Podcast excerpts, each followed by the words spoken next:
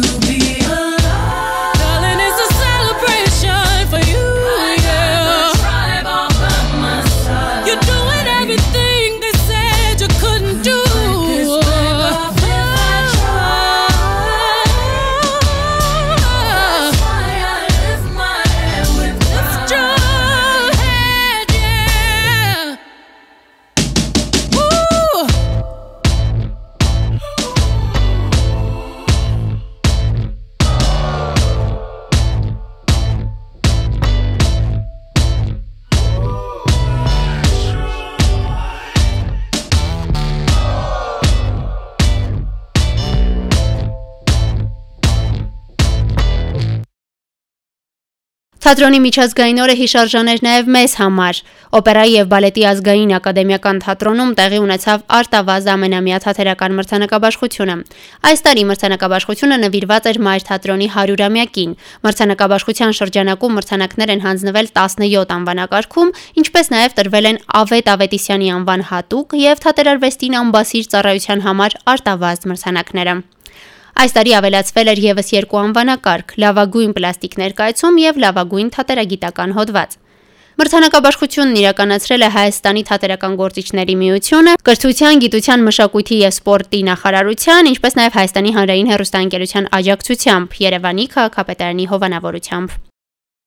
Սասեքսի դքսուհի Մեգան Մարքլը ոդքասթ կվարի կապված գենդերային կարծրատիպերի հետ։ Ոդքասթի էպիզոդները կպատմեն, թե ինչպես է մեդիան ներկայացնում կանանց, որտեղից են գալիս գենդերային կարծրատիպերը, ինչպես են դրանք մնում մեզ մոտ եւ ձևավորում մեր կյանքը։ Առաջին անգամ Կաննի կինոփառատոնը կունենա կին նախագահ։ Նախագահի պաշտոնը հուլիսի 1-ից կստանձնի Այրիս Նոբլոխը։ Նոբլոխը նշել է, որ պատրաստ է իր ողջ էներգիան նվիրել այս փառատոնին։ Թողարկումն ինչպես միշտ ամփոփում ենք հարցազրույցով, որն այս անգամ անցկացրել է իմ գործընկերանի Հարությունյանը։ Ապրիլի 10-ից 13-ը նկարիչների միությունում կկայանա Էլինե Պողոսյանի կանաչ խորագիրը գրող ցուցահանդեսը։ Արտուր Փաթի մեր այսօրվա եթերում զրուցելու ենք ցուցահանդեսի հեղինակ Էլինե Պողոսյանի հետ։ Ողջույն Էլինե, շնորհակալ եմ, որ ընդունել եք մեր հրավերը։ Ձեզ ես եմ շնորհակալ հրավերի համար։ Նախ նշեմ, որ միշտ միշտ միշտ եմ նկարել, այսինքն չկա որևէ ժամանակաշրջան, որը ես կարող եմ առանձնացնել եւ ասել, ես ինձ որքանով հիշում եմ անգամ մանկության տարիներին, ես միշտ նկարել եմ, անգամ դպրոցի սեղանների վրա, տետրերի վրա եւ այլն եւ այլն։ Հիմա դեպքային տարեկան եք։ Հիմա 24։ Բայց եթե խոսենք պրոֆեսիոնալ արվեստի մասին, այսինքն այն արվեստի, որը սիրողական մակարդակից մի փոքր դուրս է եկել, դա 4 տարի առաջվանից սկսած, երբ ես իմ ակադեմիական կրթությունը ստանալու հետ զուգահեռ, իսկ ես ակադեմիական կրթությամբ լրագրող եմ եւ հանրային կապերի մասնագետ։ Դրան զուգահեռ ես հաճախում էի պրոֆեսիոնալ նկարչական ստուդիա, որտեղ կարծես լիներ կրկին ակադեմիական կրթություն, parzapes խտացված տարբերակով։ Այնտեղ մենք սովորում էինք գծանկար, գունանկար, մի խոսքով խոսքով այն ամենը ինչը պետք է նկարչին. գոնե բազային այդպես իսկ ընթացիկ արդեն ինչպես նշեցի 4 տարի առաջվանից եմ սկսել աշխատել նկարել այս ոլորտում ինձ դրսևորել ստեղծագործական ոլորտում այդ ժամանակվանից սկսած արդեն սկսում էի նկարել նաև հակոստների վրա, որոնք ի սկզբանե վաճառք չէին ունենում, բայց հետո ի զարմանս ինձ սկսեց բուրըն վաճառքը, որը այդ իմ ասած հենց մոտիվը հանդիսացավ, որ ոչ ես անպայման պետք է մնամ այս ոլորտում եւ ես այս ոլորտում ասելիք ունեմ։ Հակոստների վրա սկզբում նկարում էի հայտնի նկարներ, որից հետո անցում կատարեցի կրկին հեղինակայինին։ Հիմա անգամ հակոստները ունեն անուններ, ունեմ հակոստի փոքր բրենդ, այդպես փոքր բիզնես, որը սոցիալական ցանցերում է բավականին ակտիվ։ Իսկ կտավները ընթացիկ միշտ եմ նկարել այս պահի դրությամբ ավելի շատ կտավների վրա եմ կենտրոնացած, քան հագուստների, ինչպես նաև հագուստի մոդելավորմամբ եմ այս պահին զբաղվում, բացի նկարելը բայց կտավներով ասելիքը շատ-շատ է։ Ես ուզում եմ անպայման գույներ փոխանցել, որովհետև իմ կտավներում գույները բավականին հագեցած են, անգամ կոնտրաստները կարող եմ ասել, ոչ թե ինչ որ պաստելային երանգներ են, այլ յուրաքանչյուր գույնի ամենավառ տարբերակն է օգտագործված իմ ներկապնակում։ Էլինե, սա ձեր առաջին անհատական ցուցահանդեսն է։ Եկեք մի փոքր խոսենք ցուցահանդեսի ստեղծման մասին, հա։ Ինչպես ծնվեց ցուցահանդեսի միտքը։ Ցուցահանդեսի միտքը շատ վաղուցվանից կար, այսինքն ես շուտ էի մտածել, որ անպայման պետք է ունենամ ցուցահանդես, քանի որ ինչպես յուրաքանչյուր արտիստ, նկարիչ ցանկանում է եւ ոչ միայն նկարիչ, առասարակ արվեստի ոլորտի անձնավորություն ցանկանում է, որպիսի իր աշխատանքը լինի դա երգ, թե թատերական ինչ որ բեմականացում, նկարչի դեպքում նկարները հնարավորինս լայն տարածում գտնեն։ Եվ ես էլ բացառություն չեմ կազմում այս պարագ ապագայում եւ իմ առաջին անհատական ցուցահանդեսը իմ մի քանի տարվա ցանկության իրականացման համար այսպես կարևորագույն իրադարձություն կարող է լինել։ Ցուցահանդեսը կրում է կանաչ խորագիրը։ Ինչու հենց կանաչ։ Խոսենք վերնագրի մասին մի փոքր։ Այո, կանաչը նախ սկսեմ մի փոքր սուբյեկտիվ բացատրել, ապա կանցնեմ նաև օբյեկտիվին։ Սուբյեկտիվորեն իհարկե կանաչը իմ ամենասիրելի գույնն է, թե իր հոգեբանը, թե իր հոգեբանական ազդեցությամբ, թե առհասարակ վիզուալ ընկալմամբ, էսթետիկական հաճույք պատճառելու տեսանկյունից եւս կանաչը ինձ ամենաշատն է դուր գալիս։ Մյուս կողմից, եթե անցնենք օբյեկտիվին, կանաչը բնության մեջ ամենից հաճախ հանդիպողն է։ Մենք նայում ենք հենց բնության, չգիտեմ, ծառերը, խոտերը ու շատ առհասարակ անգամ քարտեզի վրա երբ նայում ենք, մենք տեսնում ենք կապույտից իհարկե ջրից բացի, կանաչը այդ ամենաշատ հանդիպող գույնն է եւ իր ազդեցությունը, իր հոգեբանական ազդեցությունը խորհրդանշում է թարմություն, հանգստություն եւ քանի որ ինչպես նշեցի մենք հաճախ ենք այն տեսնում, կանաչ են նաեւ շատ ստացված բրենդների լոգոները, կանաչ է շատ մեզ մոտ հանդիպող կանաչներից ամենաշատը երևի բանկերն են, որովհետեւ իրենց ազդեցությունը հենց դրական է եւ ունի շատ ինչ որևէ բանի սկիզբ հանդիսացող էֆեկտ եւ այս դեպքում քանի որ իմ առաջին անհատական ցուցահանդեսն է այն կլինի իմ արվեստի լուրջ քայլ կատարելու սկիզբը իսկ ցուցահանդեսի ընթացքում ինչ աշխատանքներ են ցուցադրվելու Սա իմ սիրելի հատվածն է։ Հիմա ասեմ, ցուցադրվելու են իմ կտավները հեղինակային, որտեղ ես նկարում եմ հիմնականում նկարում եմ սյուրռեալիստական ոճով, абստրակտ ոճով, մի քանի նատյուրմորտ կլինեն եւ ես ունեմ գունավոր շար մի քանի շարք, որտեղ գույները շատ են, օրինակ ունեմ կանաչների շարք մի քանի գույնով, ունեմ գունավոր մազերով աղջիկների շարք հենց, որոնք կարծես կերտվել են հենց գույն եւ տրամադրություն փոխանցելու համար ունեմ մեծ կտավներ եւ մի իմ ամենասիրելի կտավը, որը առաջին անգամ հենց ցուցահանդեսին է Երևալու, դա ամբողջապես կանաչ է եւ բնության պատկեր է ինքը հենց շատ մեծ կտավ է, դա կարծես լինելու է ցուցահանդեսի հիմքը։ Բացի դա, Լինելու է Արցախի գորգագործության նմուշների հիման վրա կերտված աշխատանքներ, որոնք ի տարբերություն կտավների լինելու են հագուստների վրա, ջինսերի վրա, վերնաշապիկների վրա։ Ես դրանք պատկերել եմ ավելացնելով իմ հեղինակային լուծումները, որոնք տվյալ պարագայում լինելու են թափված ներքի էֆեկտով, կաթիլների էֆեկտով, բայց հիմնականում մեր մշակույթն է լինելու, ես չեմ տարանջատում Արցախը մերինից, այսինքն դա մերն է ամեն դեպքում գորգագործության հիմնական նմուշները, գորգագործության զարդանախշերը, որոնք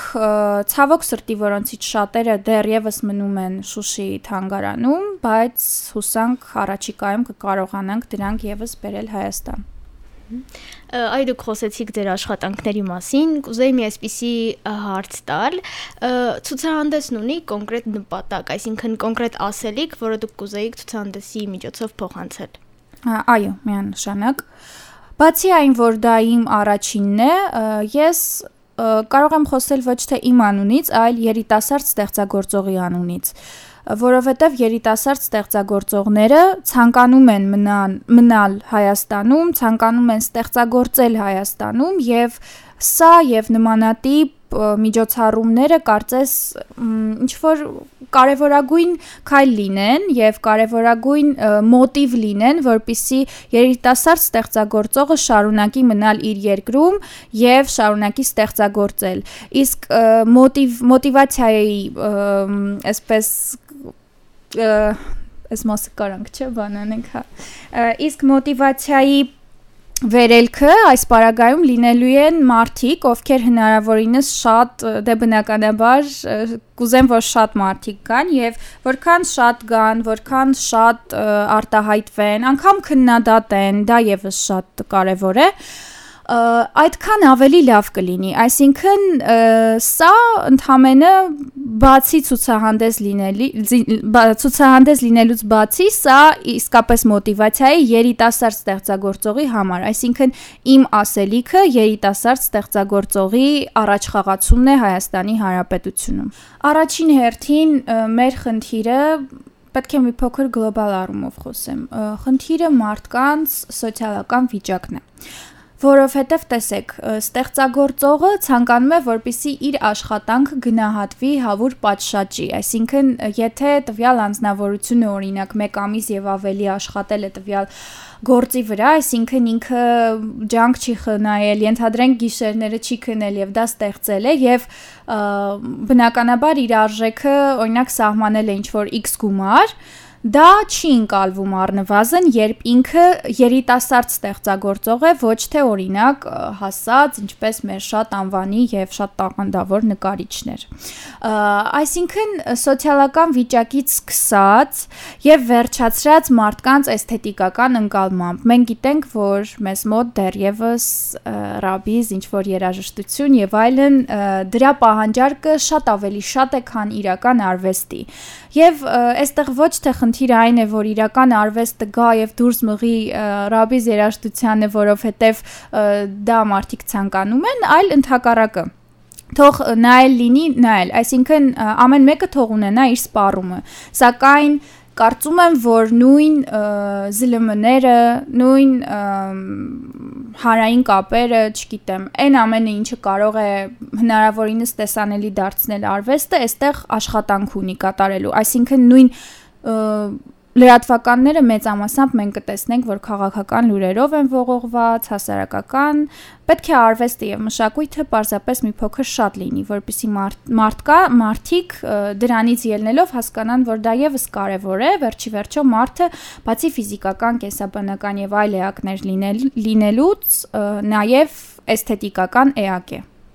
Շատ լավ ելն է եւ արդեն ամփոփելով նշեցիք իհարկե ինչն է նպատակը ցուցահանդեսի, բայց կան կոնկրետ մարդիկ, որոնք օրինակ հանդիսանում են թիրախային խումբը, գուցե որպես ամփոփում հրավիրեք այն մարդկանց, ում կարծում եք, որ հետաքրքիր կլինի ձեր արվեստը։ Այո, իհարկե կան նման մարդիկ, ես միշտ ասում եմ, որ մարդիկ են, ովքեր ստանդարտից հոգնել են, այսինքն նույն ստանդարտ, օրինակ, հարթ հագուստից հոգնել են եւ ուզում են, որ իրենց հագուստի վրա երևա ինչ որ վառ պատկեր, որը այս դեպքում իրենք էլ իրենց հերթին քաջալերում են երիտասարդ ստեղծագործողին, եւ ցանկանում են որպիսի հենց երիտասարդ ստեղծագործողը նկարի իրենց հագուստի վրա իրենց տանը կախեն իրենց տան դատարկ պատերին այս դեպքում էլի ստանդարտի վրայից կախեն գեղեցիկ կտավներ գեղեցիկ նկարներ որպիսի տունը գունավորվի գունավորվի ոչ թե այն իմաստով որ կտավը պարտադիր գույն պետք է իմանա ունենա այլ փոխաբերական իմաստով այսինքն ցանկացած արվեստի աշխատանք գույն է եւ մի գեղեցիկ համեմունք է մարդու կյանքում։